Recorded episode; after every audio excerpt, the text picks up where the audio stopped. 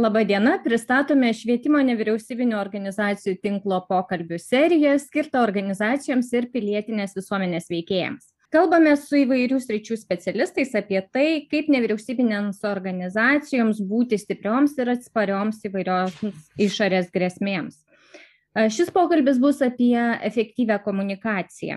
Kalbėsime su Jolanta Gužaitė Kvintus ir Liutauru Levičiumi. Jie e, yra komunikacijos ekspertai ir konsultantai, jau keliolika metų dirba su nevyriausybinėmis organizacijomis, padeda joms kurti, plėtoti, stiprinti komunikaciją. Pokalbį moderuosiu aš Renata Matkevičinė. Tai gal kolegos pradėkime pokalbį nuo labai paprasto, bet tuo pačiu ir itin sudėtingo klausimo. Tai kas yra ta komunikacija? Liutaurai, Jolanta. Komunikacija yra bendravimas bendravimas tarp skirtingų žmonių. Ir tarp skirtingus, e, kai kurie žmonės yra patys kaip žmonės, kai kurie yra organizacijos atstovai. Tai komunikacija ir yra paaiškinimas arba papasakojimas savo istorijos savo pašnekovui. Labai bendrai įmant ir labai konkrečiai atsakant. Iš tiesų, pratesdama Liutauro mintį, dar galbūt pridurčiau, kad tai yra ryšio kūrimas.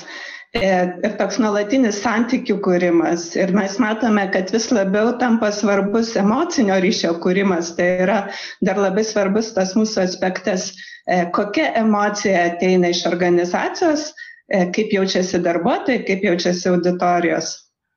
Tai apie emocijas dar šiek tiek vėliau. Bet aš noriu vis dėlto, kad kalbėtumėm, na, konkrečiau kiek įmanoma. Jeigu žiūrėtumėm, kas yra ta komunikacija, labai dažnai susidurėm su tuo, kad, na, norim kurti žinomumą, norim didinti pasitikėjimą, norim sukurti reputaciją. Tai kaip, su kuo, kada komunikuoti, kad na, galėtumėm iš tiesų kalbėti apie, apie efektyvę komunikaciją?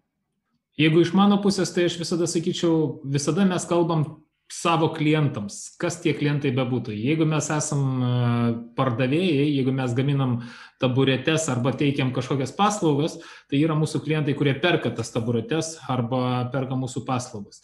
Jeigu mes esam politinė partija, mūsų klientai yra mūsų rinkėjai. Jeigu mes esam viešojo sektoriaus institucija, mūsų klientai yra viešojo administravimo paslaugų vartotojai. Jeigu mes esame nevyriausybinė organizacija, automatiškai yra tie naudos gavėjai, kurie nevyriausybinė organizacija, kuriems stengiasi kažką tai pagerinti. Tai bendruoju atveju, kas yra tavo paslaugos arba produkto naudotojas, su tuo ir tau reikia bendrauti, su tuo tos klientu tau reikia kalbėti, jam papasakoti ir jam paaiškinti. Kitas dalykas, kai kuriais atvejais galbūt neužtenka kliento santykio arba na, vien tik tai siauro tokio požiūrio. Kai kuriais atvejais reikalinga, kad na, tavo darbas su tavo klientais būtų įmanomas. Kartais tai reiškia darbas su reguliaciniam institucijom, pavyzdžiui, su valdžios institucijom. Kartais tai yra vietos savivalda.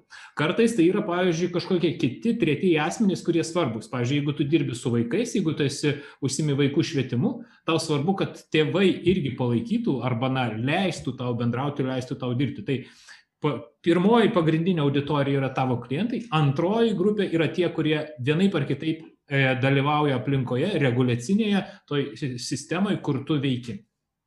Liutauras iš tiesų labai taip aiškiai papasakojo apie tikslinės grupės.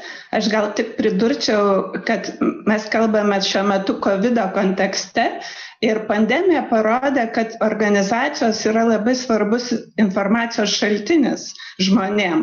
Tai yra e, iš tiesų tas tikslinė grupė, e, jeigu anksčiau atrodė, kad labai svarbu į išorę, tai lygiai taip pat svarbu dabar ir į vidų komunikuoti, nes žmonėms tai yra pirminis informacijos šaltinis ieškant E, kas yra, kokios rizikos, kaip apsisaugoti, kaip dirbti. Tai e, COVID labai stipriai irgi e, verčia mus galvoti apie, kaip turime bendrauti. Na, dabar kalbam tikrai pakankamai abstrakčiai. Ne, išskiriam tas pagrindinės tikslinės grupės, klientus, tie, su kuriais dirbam, turbūt savanorius, darbuotojus. Aš paprašyčiau vis dėlto konkrečiau. Tai kaip jums atrodo, na, kuri vis dėlto auditorija yra svarbiausia? Ar tie, kuriems teikiam paslaugas, ar tie, kurie, kurie, kurių norim įsitraukimo? Ar vis dėlto svarbus yra tie finansuotojai ir ar su visais komunikuoti galim vienodai ir vienodomis priemonėmis ir vienodai intensyviai? Va toks sudėtingas klausimas. Daug klausimų viena, vienam, vienam tekste. Galvodama apie šį klausimą, Renata, e, iš tiesų tai e, galvoju apie tai, kad nevyriausybinės organizacijos labai dažnai jiems trūksta resursų žmogiškųjų ir jos tiesiog turi nusistatyti aišku prioritetą ir kartais tuo metu gali būti pagrindinė auditorija, e, na, tarkime, bendruomenė. Geras pavyzdys yra žinau, ką renku. Iš tiesų, su, suburti jaunimą, skatinti jų aktyvumą, dalyvauti rinkimuose labai aiškus tikslas. Tuo metu resursai maži, į kitus tikslus neužteks jėgų tiesiog orientuotis. E, žiūrint truputį taip plačiau, na, bet kuriai organizacijai, aišku, labai svarbu e, finansavimas, tai yra jos gyvybiniai ištekliai, todėl šitas rytis visada bus svarbi. Žiniasklaida, ypatingai jeigu jūs atsiduria dėmesio centre, tai be galo svarbu, arba jeigu jūs turite mobilizuoti visuomenę, tai čia vis dėlto na, toks praktinis patarimas galbūt dirbantiem NVO, tai yra, na, susirašyti savo prioritetus, vad kas man svarbiausia šiuo metu. Viens, du, tris ir su jais tada labai aktyviai bendrauti, Liutaurai. Aš gal e, iš principo pritardamas tik tai papildyčiau paprastų pavyzdžių. Kai man reikia nuvažiuoti iš Vilniaus į Kauną su automobiliu, aš sprendžiu labai konkrečias problemas. Pirmas dalykas, aš turiu turėti degalų. Na, nu, pirmą turiu turėti automobilį. Mhm Tai vad, kai turim automobilį, mes, e, mums reikia organizacijos. Nu, jeigu aš nesu organizacija, tikėtina, kad mūsų užgirs yra gerokai mažesnė. Kai jau turiu automobilį, tada reikia vairuotojo, na, turėtų būti žmogus, kuris kažką tai vairuoja, ne? tada mums reikia degalų. Tai va šitoje vietoje, tą eigą žiūrint, ir kai aš jau turiu vairuotoją ir degalų, aš jau galiu automobilį užkurti ir pradėti judėti, tai va lygiai taip pat su organizacija. Pirmas dalykas Tarkim, mes turim organizaciją, ne? bet nes jeigu jos neturim, ją pirmą reikia įsteigti. Jeigu mes turim organizaciją, jeigu mes turim žmonės, kurie toje organizacijoje dirba, nes nuo iš šventos dvasios veiksmai neatsiranda. Tai kai mes turim jau darbuotojus, kai mes turim vairuotojus, mums tada reikia degalų. Degalai yra įvairiausio pobūdžio ištekliai. Finansiniai, žmogiškieji, įrankiai, priemonės, erdvė, e, laikas ir taip toliau. Tai šiuo atveju mes tada ir turim pradėti galvoti. Mes negalim pradėti galvoti apie galutinį savo veiklos tikslą, kol nepadarėm pirmų. Kitaip tariant, kol mes nerealizavom, kol neužsitikrinom, neįsipylėm degalų, kad mums užtektų nuvažiuoti iki Kauno, kalbėti apie tai, ką mes, ką mes veiksim Kaune, mes neturim prasmės. Arba netgi priešingai, jeigu mes žinom, kad iki Kauno nenuvažiuosim, mums apskritai nebėra, nu, geriau į tą nesivelti. Tai šitoje vietoje ir komunikacija lygiai taip pat. Pirmas ir pagrindiniai dalykai mes turim visada pradėti nuo to, kad organizacija turi veikti. Kai jinai jau veikia, tada, mm, kai mes turim tos bazinius iššūkius užsitikrinę, mes galim pradėti galvoti apie kitus dalykus. Kai kuriais atvejais, aš pats kaip praktikoje ne vienoje nevyriausybinėje organizacijoje dalyvau, tai didžiaja dalim lietuviškos nevyriausybės organizacijos startuoja su savo asmeniniu indėliu ir savo asmeniniam lėšom, savo asmeniniais ištikliais. Tai yra laikinas tarpinis sprendimas, bet jeigu tai užsitęsia, tai iš esmės reiškia, kad organizacija ilgu, nu, bent tru, netgi vidutiniu laikotarpiu už, užsidaro ir baigia savo e, funkcionavimą. Ką tai reiškia? Tai reiškia, kad jeigu mes pradėjom, startuojam, kažkiek turim tokį, na, um, savo aukojimas, kiek mes bandom asmeniškai, įsipyliau savo benzino, čia skiriau savo laiką, skiriau savo 10 eurų lankstinukų spausdinimui ir taip toliau, kažkiek tuo galima remtis. Bet vis dėlto pagrindinis dalykas yra veiklos tęstinumo užtikrinimas. Kai mes tą turim, tada mes jau galim galvoti ilgalaikį prasme ir galvoti, kad e, užsitikrinę organizacijos tęstinumą galim galvoti apie pagrindinės veiklos vykdymą. Tai dabar tai čia... žiūrėkit. Nu, labai jau sudėtinga ir, ir važiavimas, ir vairavimas. E, ar aš teisingai suprantu, kad kiekviena nevyriausybinė organizacija turėtų, na, e, vienas dalykas išsikelti prioritetus, kas dabar jai yra svarbu, ir, ir, ir nuosekliai vykdyti tas savo veiklas planuotas, e, bet kitas dalykas, jinai turėtų na, nepamiršti, kad turi suderinti tiek komunikaciją organizacijos viduje su, su savo darbuotojais ir savanoriais, Na ir nepamiršti tos komunikacijos į išorę, nes nuo, nuo to priklauso jos, kaip Liutauras sakė, ir veiklos testinumas, ir galimybė gauti tam tikras uh, finansinės lėšas. Tai mano klausimas būtų toksai, kame yra vis dėlto didesnis prioritetas? Ar viduje komunikuoti, ar vis dėlto paskleisti tą gerąją žinią apie save į išorę? Jeigu, jeigu mes esam vienuoliai, kurie aukojamės ir mums visiškai patys asmeniškai nesvarbus, tai tada mes užsimam tik tai gerąją žinios, gerąją žinios kūrimu ir jos sklaidą. Bet jeigu mes iš tiesų planuojam apie ilgalaikiškumą ir nuoseklų ilgalaikišką ir ilgalaikį rezultatą, mes privalom skirti dėmesio visiems šitiem tikslam. Kitaip tariant, mes turim matyti organizaciją kaip kad organizmą, kad jis turėtų testinumą, kad jis turėtų tą degalų judėjimą ir, ir aišku, pagrindinė nauda, kurią organizacija misijas per savo įgyvendina, kad tas būtų pakankamas pagrindas išoriniam donoram, išoriniam finansuotojam remti tokią organizaciją. Tai čia šitie, man atrodo, jie negali būti priešinami, jie visada turi eiti kartu, kitaip tariant, ir organizacijos vidaus, ir organizacijos išorės komunikacija. Aišku, aš dar pridurčiau, kad kaip auginti savo auditoriją, tai yra kiekvienai organizacijai labai svarbus klausimas. Ir e, šitą klausimą iš tiesų e, ir komunikacijos žmonės visada ieško atsakymo. E, pirmas dalykas, galbūt aš vėlgi norėčiau pasiremti mūsų Lietuvos pavyzdžiais ir viena iš seniausiai veikiančių organizacijų, tai yra bendryje Viltis kuri padeda šeimom ir žmonėms sutrikusio intelekto įsilieti į gyvenimą. Ir matome, ši organizacija per 30 metų pasiekė labai daug. Jis pasiekė, kad yra pakeisti įstatymai, jinai pasiekė, kad dabar žmonės, kurie yra, e, turi e, sutrikus intelektą, jie yra vis labiau įtraukiami mūsų visuomenė, mūsų visuomenė nori juos paremti, matome, pirmas blinas yra be galo sėkminga iniciatyva, Ir, ir čia yra labai aiškus e, poreikis. Šita organizacija yra reikalinga šeimom, visuomeniai, jinai daro mus visus geresnius.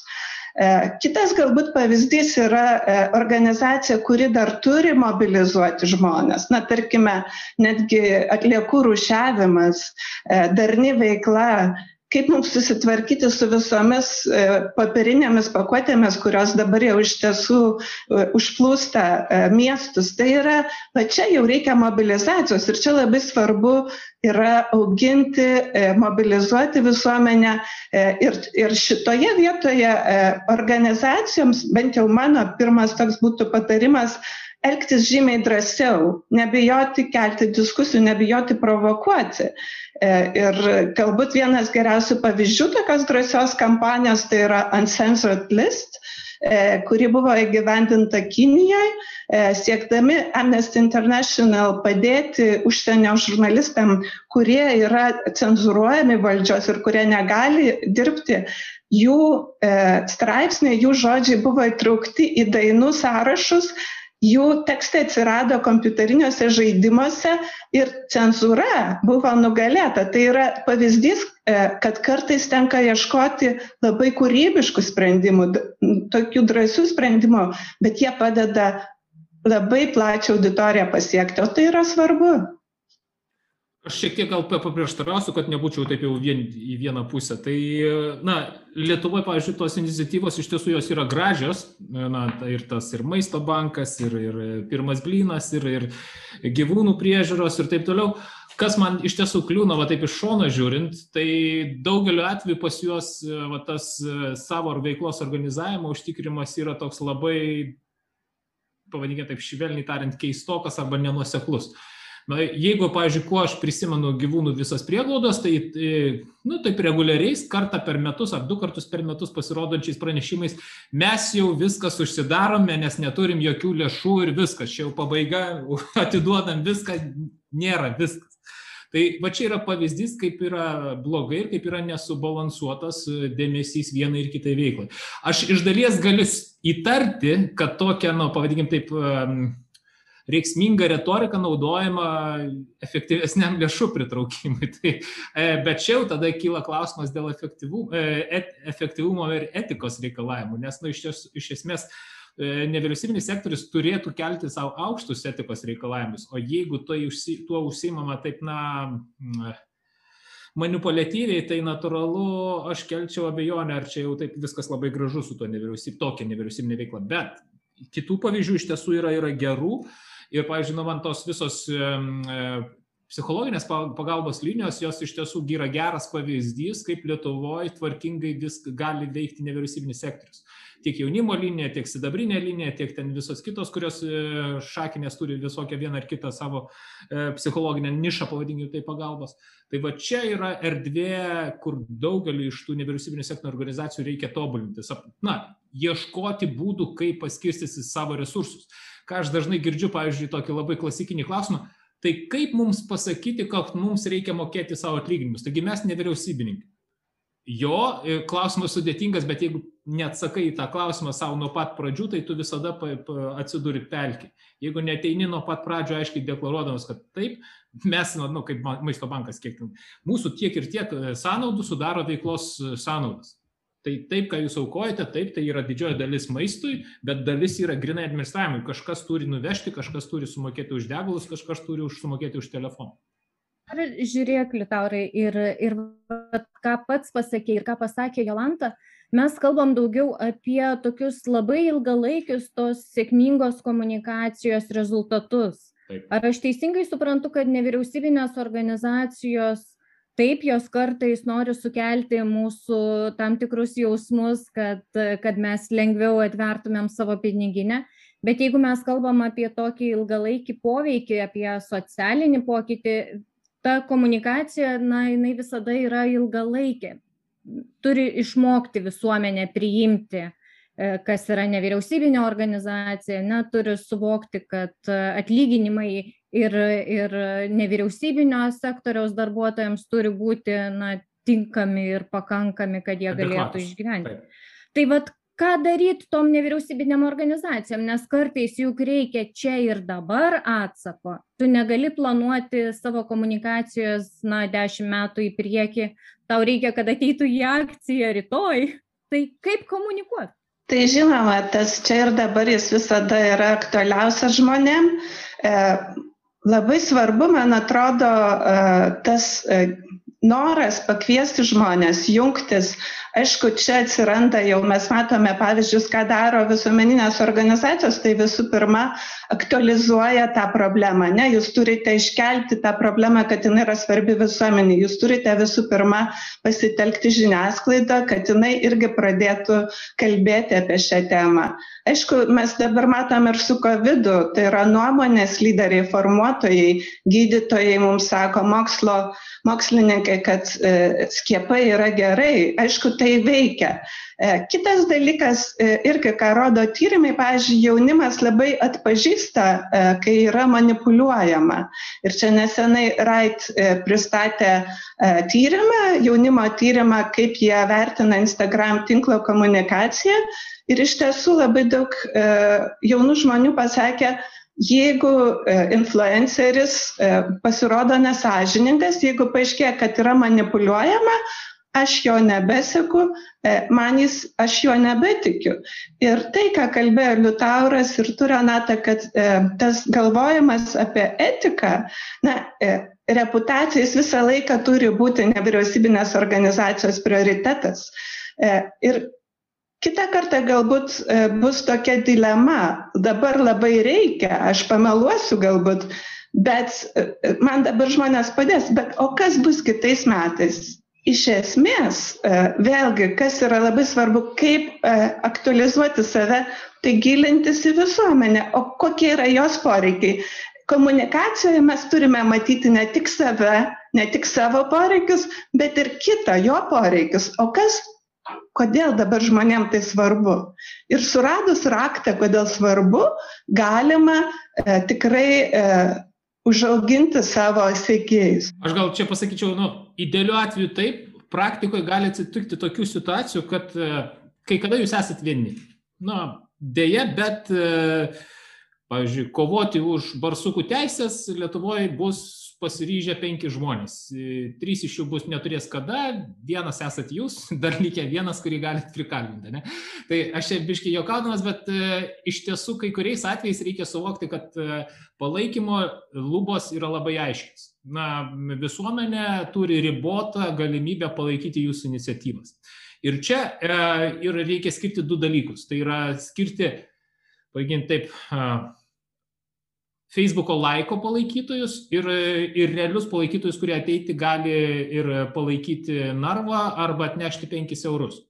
Tai va čia yra du, du skirtingi lygiai, kurie Facebook'e galima šu, prie šuniuko arba kačiuko nuotraukos greitai uždėti laiką, surinkti 100 ar 200 tūkstančių palaikytojų, bet realiai, jeigu juos reikėtų konvertuoti į realią paramą, mes sulauktumėm daug dievę, nežinau, šimtosios to dalies. Ne? Tai va čia yra didžioji dalis arba, na taip, Sažiningas ir savikritiškas paramos lygio vertinimas yra labai sudėtingas, nes nu, tai skauda, kai tu savo pripažįsti, kad tu realiai tave palaiko šimtas žmonių, nors ten deklaruoja šimtas tūkstančių, tai tada tu biški labiau stovi ant žemės, bet tas stovėjimas ant žemės leidžia tau geriau orientuotis ir suprasti, tau, kur tau reikia skirti dėmesį.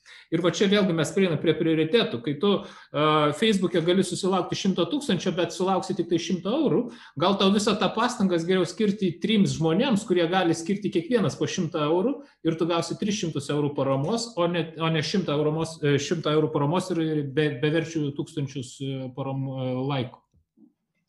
Tai mes labai gražiai dabar einam prie, prie dar vieno klausimo, prie, prie to kogi vis dėlto nedaryti arba kaip nekomunikuoti, kada nekomunikuoti, ar yra tokios taisyklės, kaip ne, nesuklysti, kaip nepadaryti, nežinau, kaip nepameluoti ar neapsimeluoti, kaip nepažadėti to, ko iš tikrųjų negalėsi padaryti.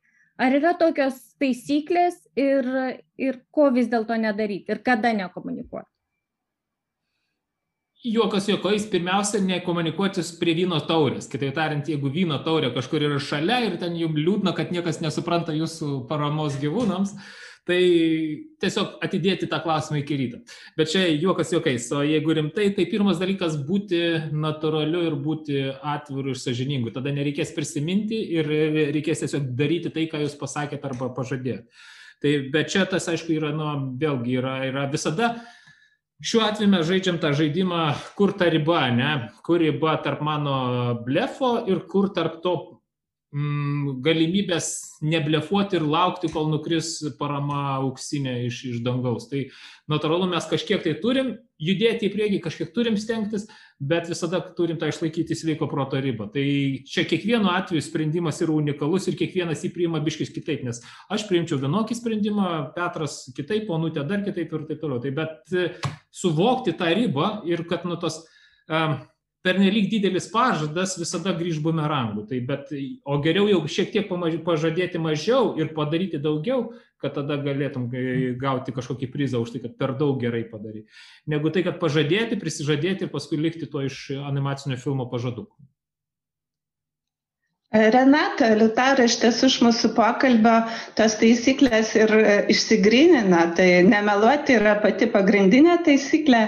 E, antroji, nemanipuliuoti, tai irgi labai svarbi taisyklė, ypatingai turint galvoje m, viešą erdvę, nes yra taip atsitikę, kai, tarkime, organizacijos, prie, kad ir prieš porą metų Raudonasis kryžius norėjo gyvendinti didelius pokyčius ir prasidėjo spaudimas iš vidaus dėl tų pokyčių, prasidėjo vieša diskusija ir tokia vieša diskusija apie vidinės problemas jinai iš karto sėja nepasitikėjimą. Žmonės pradeda bejoti, o ar aš galiu iš tiesų skirti šitai organizacijai lėšų. Tai tie tokie vidiniai konfliktai, vidinės e, tokios rietenos, jos kuo labiau turi būti sprendžiamas viduje visų pirma. Aišku, jeigu yra kažkokia situacija, kai yra neskaidru, kai reikia informuoti visuomenę, jog šita organizacija nedirba taip, kaip ir tos nevyriausybinės organizacijos, nes labai patyrusios, Save the Children, tarkime, pasaulinė organizacija, yra tikrai išgyvenę nemažai e, krizinių situacijų dėl to, kad lėšas buvo naudojamas neskaidriai. Tačiau jos tik pateikdamas visą informaciją apie, e, na, būdamas atviros, skaidrios, teikdamas ataskaitas, čia galbūt iš kitos ryties, ką daryti, tai labai svarbu rodyti rezultatus. Skaidriai, aiškiai, va, mes gavom tokią paramą, mes padėjom tiek ir tiek. Tiek gyvūnų yra išgelbėta, tiek vaikų yra pamaitinta. Tai yra labai efektyvu ir tą tikrai reikia daryti. Bet tas užima labai daug laiko ne, ne visada mes turime tiek daug žmonių, kurie gali skirti laiką, kad, na, suskaičiuotų viską, sudėliotų į lentynėlės. Kita, kita vertus, ne, na, gal ir mūsų prioritetai yra išgelbėti pasaulį, o ne teikti finansinės ataskaitas. Ar aš klystu? Dėl finansinių ataskaitų vis dėlto e, optimalus rekomendacija yra kuo daugiau skaidrumo. Kuo daugiau skaidrumo apie pinigus, nes tai yra pagrindinis lūkestis iš bet kokios nevyriausybinės veiklos rėmėjų, kad būtų aišku. Kitaip tariant, tai, kad kažkas gavo ne 10 procentų veiklos administravimo, o 20 procentų yra mažiau, mažesnė bėda negu apskritai, kad neaišku kiek. Kitaip tariant, nes to, jeigu neaišku kiek, tai tada, nu tai 99 gavo veiklos administravimą. Tai čia, e, jeigu, jeigu taip labai, nu, jokam, bet e, iš principo skaidrumas apskritai yra bet kokios nevyriausybinės organizacijos pagrindas, nes skaidrumo, nes skaidrumas yra kas? Skaidrumas yra sakai, e, rodai, ką, ką darysi, darai tai ir dar signalizuoji, kad tai darai. Ne? Kitaip tariant, tu ne tik tai vat, e, važiuoji automobiliu ir sakai, kad, ta prasme, jeigu suksi, tai vat, rodai posakį, bet suki ir dar parodai, kad, vat, pasakau. Ne? Tai va šitoje vietoje vat, organizacijos pasitikėjimo prasme ugdymo yra labai svarbu, kad organizacija sakytų, ką jį daro, kitaip tariant, turėtų aiškę misiją, tai darytų ir dar parodytų, va, padariau, va, va, va matėt, va, pažiūrėkit tai va šitoj vietoj tada galima tikėtis ilgalaikio pasitikėjimo jeigu kažkurio fa faktoriaus nėra jeigu mes nepasakom ką darysim nu pagalvojam ai šiandien tą darysim ne jeigu mes neplanuojam jeigu mes nepa, nedarom tai, ką pažadam, yra dar blogiau. O jeigu mes nesiskaitom, nu, tai tada gal mes esam puikūs šitie filantropai, bet mūsų niekas nemato. Aha, Liutaurai, o aš dar noriu grįžti ir prie Jolantos minties apie tai, kiek aš kaip žmogus galiu ne, nesutikti su organizacijos pozicija. Arba tiksliau, mes labai dažnai sakome, kad, na, sprendžiam apie organizaciją ir pagal kai kuriuos žmonės, kuriuos mes siejam su, su organizacija. Ar mes iš tiesų su organizacija siejam kiekvieną joje dirbantį ar savanoriaujantį, ar tik tai vadovą? Mm, čia labai priklauso nuo mūsų asmeninio susidūrimo taško, nes daugeliu atveju mes vadovų nepažįstam ir nesam su jais susidūrėm. Mm, labai išskirtiniais atvejais mes galim sakyti, kad vat, organizacija yra vadovas. Nu, čia, nu, ar Lietuva yra Gitanas Nausėda? Nu, nieko panašaus, ne? nors formaliai vadovas. Tavas, nu, Lietuva yra daug įvairių skirtingų žmonių aišku jeigu toj organizacijoj yra tik vadovas ir nieko daugiau tada tas nu, su, su, su, sutapatinimas įvyksta. Bet... Bet tai tada aš turiu labai atsargiai komunikuoti kaip darbuotojas, kaip darbuotojas, kaip savanoris, nes realiai tai, ką aš pasakau apie organizaciją, kokius veiksmus tos organizacijos matau ir kaip aš juos interpretuoju, priklausys ir kaip kiti matys tą organizaciją. Tai mes, mes Lietuvoje turėjom tokių pavyzdžių, nu, nevyri, nors nėra tai nevyriausybinis sektorius, bet, pavyzdžiui, vaiko teisų apsaugos tarnybos, ne? Vos tik tai kuris nors tar, tarnyba pasirodo, kad ten koks nors šiek tiek kitoks žmogus negu klasikinis vat, vaiko, tar, vaiko priežios specialistas iš karto, žiūrėk, kas ten vyksta, kokia ten vaiko priežios tarnyba, jeigu tokie žmonės dirba, ne, vat, vienas atvejis nors ten viso per visą Lietuvą gal ten 10 tūkstančių žmonių dirba toje srityje. Ne? Tai čia lygiai taip pat ir nevyriausybiniai sektoriai. Jeigu, jeigu na, šaukšto deguto pas jūs kažkur įmes kažkas, tai ir srėpsit su, su visu medum. Čia kitas dalykas, gal dar ta, apie tuos, pavadinkime taip, šaukšto degutus, tai nu, aš norėčiau atkreipti vis dėlto, kad, na, kaip to su, su vyno taurė nieko negalima daryti, taip ir na, visas emocijas, iš, iš, visas neigiamas emocijas iš, iš organizacijų pusių reikėtų pasilaikyti vadinkim taip, tau, nu, yra toks testas, e, pusės dienos testas. Jeigu aš pusę dienos galiu prakentėti ne kažko nepasakęs blogo, ar, ar geriau sakyti, ar geriau nesakyti. Tai vad, jeigu pagalvojate, prisėdat, ką norit pasakyti apie kažką savo, ten, ką nors jau tokio rimto ribaus. Ir pagalvokit, nu, pusę dienos atidedu ir grįžtat po pusės dienos, o gal dar pusę dienos galiu atidėti. Ir jeigu taip galite atidinėti, tai atidėkit, atidėkit ir paskui nurimsta tema ir paskui patys suprasit, kad ir gerai, kad nepasakė. Tai čia tokia komunikacijos hygiena kiekvienam mum. Jeigu galiu čia... nepasakyti, tai geriau nepasakyti. Jo, bet ne visi jos laikomės mes. Jo. Tai žiūrėkit, gal tada galim ir apibendrinti tą mūsų pokalbį apie, apie komunikaciją. Tai ko palinkėtumėt nevyriausybinėms organizacijoms galvojančioms apie komunikaciją, norinčioms, kad ta komunikacija su tikslinėmis auditorijomis vis dėlto atneštų ne tik tai vardo žinomumą dėl gerų darbų, bet kurtų reputaciją, na, plėtotų jų, e, jų santykius su įvairiais suinteresuotaisiais, na, kad mums visiems būtų geriau. Tai jos, kaip jos turėtų komunikuoti? Palinkėjimai keli. Mano palinkėjimas būtų išsaugoti iš tiesų tikėjimą savimi, tikėjimą to, ką darot. Šitam sektoriui daugybė žmonių dirba tikrai pasiaukojantį darbą. Jie susiduria su dideliu abejingumu, jie sprendžia labai gilias socialinės problemas ir susiduria su, na, pavadinkim tai pramogų visuomenė, kuri nelabai nori gilintis į problemas. Tai kai jums e, sunku ir kai jūs pradedate abejoti, tiesiog prisiminkite tas akimirkas, tos projektus, kurie pavyko. Ir iš jų semkite savo stiprybės. Ir dar tiesiog norėčiau paminėti kolegas iš Olandijos, jie atlieka tyrimą medijų ir socialinių tokių pokyčių, kaip naujos technologijos keičia visuomenės. Tai profesorius Vandaikas e, iš tiesų savo tyrimais nustatė, informacinės technologijos neįtakoja pažangos pasaulyje jos kaip tik prisideda prie demokratijos erozijos, jos taip pat prisideda prie to, kad žmonės vis labiau gyvena savo burbuluose ir ta tokia e, atsiskirimas, jisai didėja, matome ir pas mus Lietuvoje, e, sunku palaikyti tokias kultūringas diskusijas, tai yra realybė socialinių tinklų. O kas e, keičia, kas įtakoja pažangą, tai seni patikrinti dalykai. Tarp jų yra švietimas, tarp jų yra socialinė rūpyba, tarp jų yra ekonominės politinės reformos. Tai matydama, kad nevyriausybinės organizacijos labai stiprų vaidmenį jau šiuo metu atlieka teikdamas socialinės paslaugas ir jų vaidmuo dar labiau didės.